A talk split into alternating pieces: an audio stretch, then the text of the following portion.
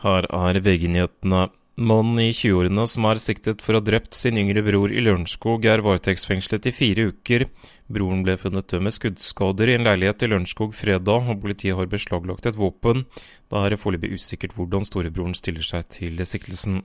En bil ble i ettermiddag truffet av en henger som løsnet fra en traktor i Senja i Troms. To personer var involvert i ulykken. Skadeomfanget er fortsatt ukjent, men politiet beskriver ulykken som alvorlig.